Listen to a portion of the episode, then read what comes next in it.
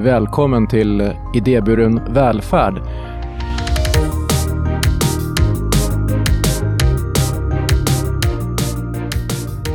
Det här är ju en podd av Skyddsvärnet.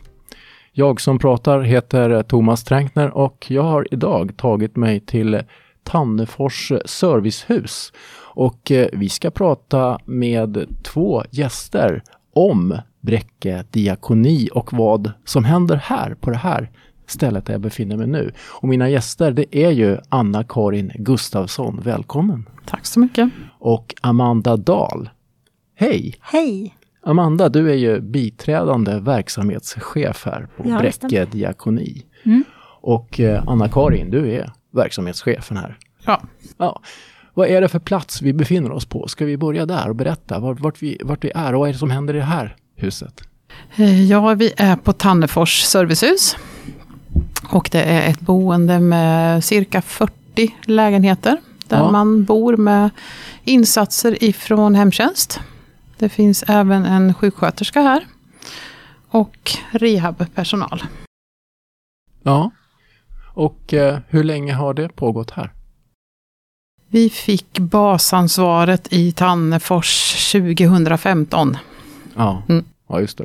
Och eh, staden heter ju Linköping, det kanske vi ska säga för att vi som är härifrån Linköping, vi tar Tannefors så för givet, eller hur? Ja, Amanda, eh, vad gör du på dagarna?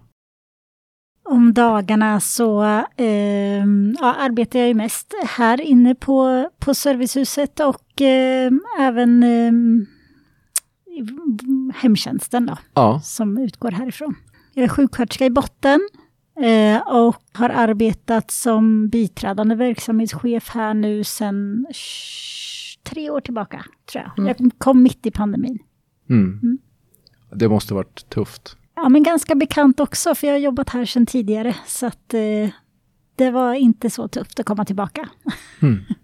Ja, du som lyssnar undrar vad, vad, vad, vad ska vi prata om egentligen? Jo, eh, vi ska faktiskt prata om att eh, verksamheten här har fått eh, har, har blivit mätt av Socialstyrelsen och eh, det visar sig att det är bäst kvalitet på det ni gör här. I varje fall det de som tar emot vården har uppfattat det på det sättet. Och eh, Bräcke, vi kommer tillbaka till det alldeles strax, men Bräcke diakoni det är ju en eh, idéburen eh, verksamhet. Mm. Och vad betyder det jämfört med andra verksamheter?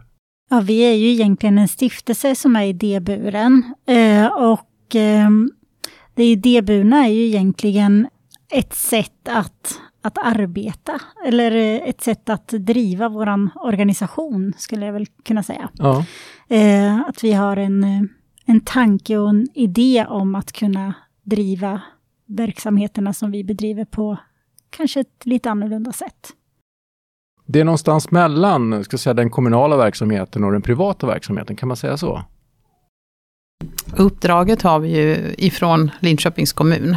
Ja, Men eh, utförandet, det, det står ju vi för. och eh, det är socialtjänstlagen som ligger ovanpå allt det här som så att säga talar om vad som gäller, Ja, kan man säga. mm. Ja, och även hälso och sjukvårdslagen såklart. ja.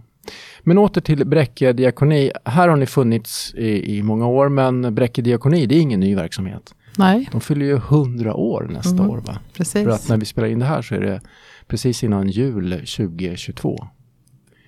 Påverkar det er verksamhet på något sätt? Känner ni att det är något speciellt med att tillhöra någon sån så pass gammal eh, historisk eh, verksamhet?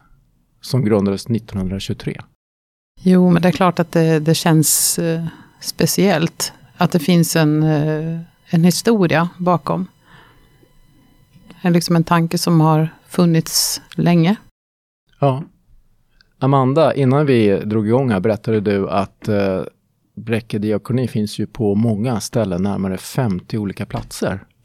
Ja, vi, vi har ungefär 50 stycken verksamheter i alla fall. Eh, och eh, vi finns eh, från eh, sydväst då, i Göteborg upp som ett bälte i Mellansverige eh, upp mot Stockholm då, där, eh, där vi också har ett kontor. Men huvudkontoret ligger i Göteborg. Men åter eh, till eh, verksamheten här i Tannefors. Eh, Anna-Karin, jag läste en pressrelease från er där just det här stället i Tannefors fick bästa kvalitet på äldreomsorg i Linköping baserat på en enkät som Socialstyrelsen gjorde här under året. Kan du berätta mer om det? Det är ju en undersökning som går ut till alla kunder och som man fyller i, skickar in och sen så får vi återkoppling ifrån Socialstyrelsen då. Eh, och eh, den här enkäten den innehåller ju ganska många frågor men det blir ju liksom en, eh, en samlingsfråga där man liksom mäter den totala kundnöjdheten och ett av våra hemtjänstområdet som ligger nere i centrala Linköping, Blandaren. Där hade vi 100% kundnöjdhet. Och eh, det står också att 95% av de tillfrågade har uppgett att de har förtroende för personalen. Det låter ju jättebra. 91% har sagt att de är nöjda med sin hemtjänst som helhet. Mm. Jättefina siffror. Ja. Eh, har det varit så förut också eller vad är det för trend? Har ni, eh, blev ni överraskade eller, ni, eller blev ni inte förvånade? Vi har haft ganska bra siffror men det, det, har gått lite, lite upp och ner och det här är väl det bästa resultatet som vi har nått. Ja. Mm. Vad är det för ingredienser i bra hemtjänst? Vad är, det, vad är det ni gör som era kunder, alltså era boende, uppfattar som bra? Som gör att de ger bra betyg? Eh, först och främst är det våra medarbetare. Det är de som utför hemtjänsten. Och det är ju de som våra kunder möter. Vi, vi har ju otroligt duktiga medarbetare måste jag säga. Mm. Hur ser det ut här med era medarbetare? Hur många är ni och eh, om du skulle beskriva medarbetarna på något slags sätt? Vi är totalt cirka 30 som är tillsvidareanställda. Och eh, 15, 20 timvikarier som hoppar in. När vi Utöver har, de 30? Ja, ja. precis. Ja. Ganska bred eh, medarbetarskara skulle jag säga. Många, många som är yngre. Vi har mycket killar. Men även de som har jobbat länge och har mycket erfarenhet. Så det, det är en väldigt bra blandning. Ja. Mm. Eh, jag såg en film om där, de, där eh, personalen tillfrågades om vad de tycker är bra, vad som fungerar bra. Vad är det som gör den här lagandan? Och där lyfter man just miljön, goda arbetskamrater, sammanhållning, bra ledning och, och att man kan anpassa scheman. Mm. Känner ni igen det i den beskrivningen? Ja, men det, det tycker jag nog. Det, det är nog eh, våran upplevelse också att det är otroligt god sammanhållning. Man är väldigt eh, ansvarstagande, man, tar, man har liksom en stor omtanke om varandra, hjälpsamma. Absolut, skulle vilja hålla med om. Det är väldigt få konflikter i medarbetargruppen. Eh, och eh, det är en stark teamkänsla hos våra medarbetare. Och vad är det som gör att det har blivit så? Vet inte, vi, vi har ju jobbat väldigt mycket eh, med bemötande, eh, både gentemot eh, våra patienter och kunder, men också hur vi bemöter varandra i arbetsgruppen, hur vi är mot våra kollegor. Sen tänker jag att man ser och lär av varandra mm. mycket. Hur gör ni för att hitta bra personal? Väldigt många av de som arbetar hos oss har vi ju fått via rekommendationer. Alltså börjar det en så kan de ha en vän som eh, kanske har hört talas om att det är bra hos oss. Så ryktet har väl gett oss många goda medarbetare. Det måste jag säga. Mm. Annars så annonserar vi ju på, på vanligt sätt. Vi pratar om patienter och kunder. Är det samma personer eller? Ja, det är det. Eh, men eh, när vi pratar om eh, kunder så pratar vi mer om SOL, det som går under socialtjänstlagen. Och när vi säger patienter så är det mer min sjuksköterskehjärna som pratar. så är det. Om vi skulle gå ut och fråga kunderna här vad de tycker om att, att vara här, vad skulle de säga då tror ni? Jag tror de skulle säga att de är väldigt nöjda. Men har det alltid varit så här? Har ni, har, alltså, jag tänker, nu, nu är vi i ett läge där det är rätt så bra. Det är väldigt bra. Har det funnits en perioder där ni har haft kanske inte samma utgångsläge som ni har idag? Ja, men jag tänker att, eh, eller jag känner väl egentligen att i perioder så, så kommer de perioderna också för oss och i vår verksamhet. Vi har haft en period där det har varit svårare att rekrytera som vid den här sommaren till exempel. Vi hade det mycket enklare föregående sommar. Vi har väldigt många just nu som studerar, vilket vi tycker är jätteroligt, att man studerar via Äldreomsorgslyftet i Linköping eh, till undersköterskor och specialistundersköterskor. Men vi har inte alltid haft det så lätt, utan vi har haft perioder som har varit tuffare än andra, såklart. Eh, och eh, nu i somras hade vi en period där det var väldigt svårrekryterat, eh, svårt att hitta vikarier och svårt att hitta personal med rätt kompetens. Eh, och det är någonting som vi jobbar väldigt aktivt med egentligen både eh, på lokal nivå men också eh, i vår ledningsgrupp i Bräcke diakoni. Hur vi ska både hitta och få behålla personal som, som har rätt kompetens och som är rätt personer. Vad är det för omsättning på personal här? Kan man, eh, finns det några siffror på det? typ?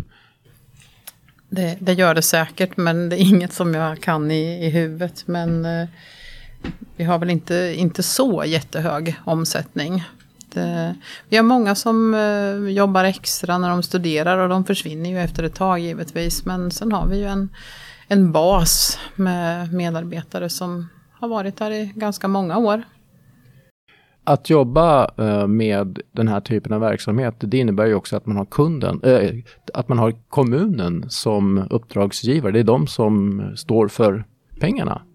Och det betyder också att ni jobbar med upphandlingar och då kan det vara lite saker, eh, upphandlingar man vinner och upphandlingar man inte vinner. Men nu har ni vunnit, eh, eller fått en, en upphandling som innebär att ni måste öka verksamheten väldigt mycket. Mm. Tre gånger till och med. Mm. Det stämmer. Hur gör ni för att klara av det?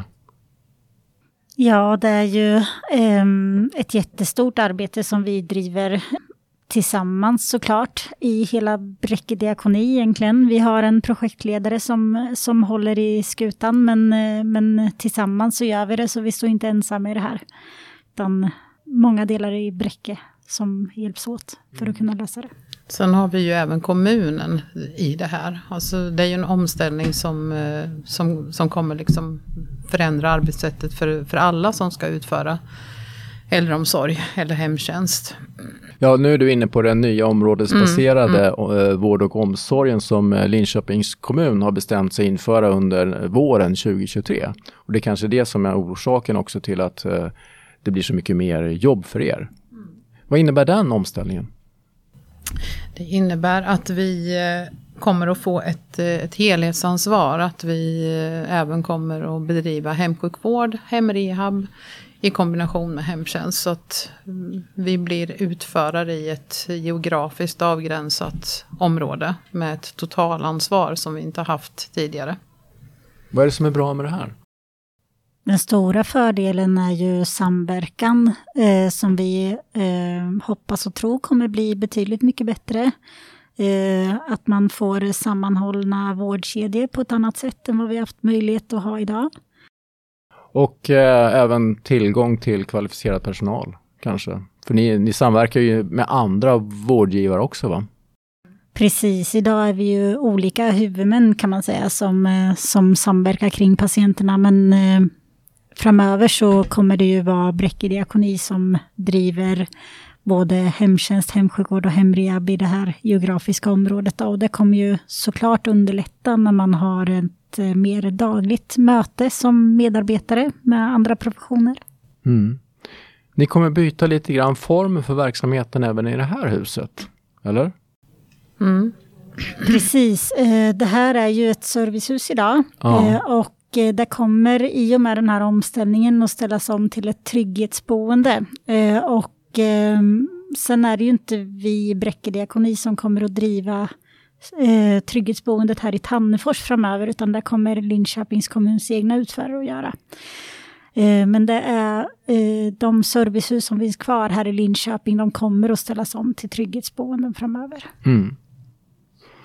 Och den här verksamheten, den kommer ju aldrig att minska behovet av för att framöver så kommer ju andelen äldre bara att öka och öka.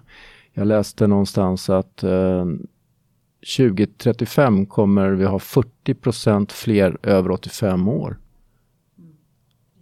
Samtidigt så läste jag att de som, eh, den del av befolkningen som är över 65 så, eh, kommer, så är det två tredjedelar som har minst två kroniska sjukdomar. Och det ställer ju ännu större krav på professionell vård eller omsorg. Så är det ju. I hela den här omställningen så, så är ju tanken att vi kommer att jobba mot en nära vård och ställa om vården och omsorgen att gå mot eh, en mer nära vård. Eh, och eh, precis som du säger så är det fler personer som behöver hjälp och vi är färre personer som kan ge den hjälpen. Och Eh, det innebär att vi kommer att behöva arbeta mycket mer proaktivt än vad vi gör idag. Eh, att vi får eh, arbeta mer med våra digitala lösningar, försöka ställa om för att möta de framtida kraven helt enkelt. Mm. Ja, men åter till det här med framgångsrik verksamhet här. Vad kan andra lära sig utav er? För att det ska bli så här bra? Vi har ju analyserat eh, de här resultaten givetvis. Och det är väl vissa saker som vi ändå kan se har bidragit till att, att vi har så nöjda kunder. Och jag tror att en god kontinuitet. Det, de känner sina medarbetarna som kommer till dem. Många har jobbat länge. Alltså man, man hinner att bygga relationer. Och att man som kund har stor möjlighet att, att påverka och vara, vara delaktig. På vilket sätt kan man, vara, kan man påverka och vara delaktig här? Det handlar ju om en, en lyhördhet från våran sida att, att kundens behov alltid ska komma först. Och att vi är flexibla och, och lyssnar. Det, det tror jag absolut är avgörande. Mm. Att det är lätt att få kontakt med hemtjänsten. Ehm, att man är delaktig och gör sin genomförandeplan. Att, man, att vi lyssnar. Samtidigt så är det ju tuffare krav på kortare tider, fler kunder, fler patienter att ta hand om. Går den ekvationen ihop? Ja, alltså... Eh, Eller har jag fel i det jag säger? Ja, eh. alltså så som det ser ut i, idag i våran kommun är ju egentligen att, eh, att vi får ingen specifik tid som ett ärende ska behöva ta, utan den tiden sätter vi eh, utefter patientens eller kundens behov. Eh, och eh, det tror jag bidrar och är en väldigt stor fördel förstås, eh, att vi har möjlighet att eh, att sätta tiden vi är hos kunderna utefter kundens eget behov helt enkelt. Det, det är det som styr. För att det här ska vara så, det kräver ju kontinuitet som du säger, men kontinuitet kräver ju att personalen är kvar, personalen tycker det är kul, personalen eh, får energi och ger bra vård och, och har den här tiden och, och vara i ett läge där de verkligen kan lyssna, eller hur? Och då är följdfrågan, hur lyckas man med det? Att få personalen att stanna kvar? Nej, men jag tänker att det finns många olika eh, parametrar till det, men eh, en sak som jag tror är bidragande är ju att eh, vi som verksamhet är väldigt flexibla med till exempel eh, schemaläggningen. Eh, är det så att man har specifika behov och inte kan jobba x antal helger ibland så kanske vi kan lösa det under en kortare period. Eh, man kanske inte kan jobba vissa kvällar, då försöker vi lösa det. Eh, det tror jag är en stark bidragande orsak till att man eh, helt enkelt kan kombinera sitt yrkesliv med det privata. Sen finns det ju såklart andra orsaker till att personalen har stannat. Jag tror att mycket av det är ju de goda relationerna de har till, till kunderna, men eh, också hur de känner inför sina kollegor. Vad är det för risker med det här? Då? Vad är det som kan göra att det inte fortsätter på det här bra sättet? Nej, men det är ju om vi skulle få medarbetare som inte, inte trivs och inte liksom tycker att det här är en bra arbetsplats. Det, det sprider sig ju om möjligt ännu lättare än vad eh, en uppfattning om ett, en positiv arbetsplats gör givetvis. Så vi är ju måna om att behålla den här goda stämningen som, som vi ändå upplever att, att det finns här. Det, och det är någonting som vi är väldigt noga med när vi har uh, intervjuer också. Att, att, det, att det är viktigt att vara en, en god arbetskamrat. Likväl som man uh, gör ett bra jobb hos våra kunder. Då måste det också vara viktigt i ditt jobb som verksamhetschef att fånga upp sådana här signaler väldigt tidigt kan jag tänka. Det är det ju givetvis. Och vad har du för egen strategi för att du ska upptäcka sådana här saker? Jag tycker väl att både jag och Amanda är, är lyhörda. Vi är, ju, vi är ju på plats här varje dag och liksom har ju en jättenära relation med våra medarbetare. Vi jobbar eh, väldigt mycket med öppna dörrar. Eh, det är nog väldigt enkelt att komma in till oss och fråga om någonting eller ibland klaga av sig om någonting också. För det händer ju också. Eh, så, ja, men, det, ja. jag, tror faktiskt att vi är, vi är lättillgängliga. och det, det tror jag att våra medarbetare uppskattar. Mm. För det är precis det som kanske är grejen, att, ha låg, alltså att man vågar klaga av sig som du säger och inte känna att man sitter på någonting och kanske pratar med en, någon annan än sin närmaste chef om det Nej. direkt. Nej. Och kanske vänta så, för länge. Så kan det ju också vara givetvis. Mm. Det är inte allt vi får höra men eh, jag tror ingen känner att det är konstigt att, att komma in och, och säga till om det är någonting som man har synpunkter på eller någonting som inte är bra. Det, det känns som att vi har en otroligt bra dialog med våra medarbetare. Mm. Och det är där det börjar. Mm. För det är det som ger bra vård. Det är det som ger bra omsorg till mm. kunderna. Som i sin tur känner att det är så. Ja, mm. ja men det, det, tror vi ju jättestarkt på att om, om man mår bra på sitt jobb, om man trivs med sina kollegor så det kommer våra kunder absolut att märka du som lyssnar, eh, jag hoppas du får en känsla för vad som är framgångsrik, eh, vad som är framgångsfaktorerna i att bedriva äldreomsorg här på Tannefors eh, servicehus. Amanda, vad är det allra bästa med ditt jobb? Eh, ja, men det är alla eh, möten som jag får göra med, med alla härliga människor som jag träffar varje dag. Både medarbetare, kunder, närstående, eh, kollegor. Mm. Och eh, Anna-Karin, om du ska svara på samma fråga, vad är det bästa med ditt jobb? Jag kan väl hålla med Amanda att alltså alla, alla fina möten man har, det är ju det, är ju det som är liksom våran, våran energi. Sen eh, är ju, att vara chef i hemtjänsten är ju en otrolig dynamik. Man vet aldrig hur, hur dagen ser ut. Utan det är alltid någonting nytt när man kommer på morgonen. Det tycker jag är en utmaning och roligt. Men är det alltid lika roligt att gå till jobbet varje dag?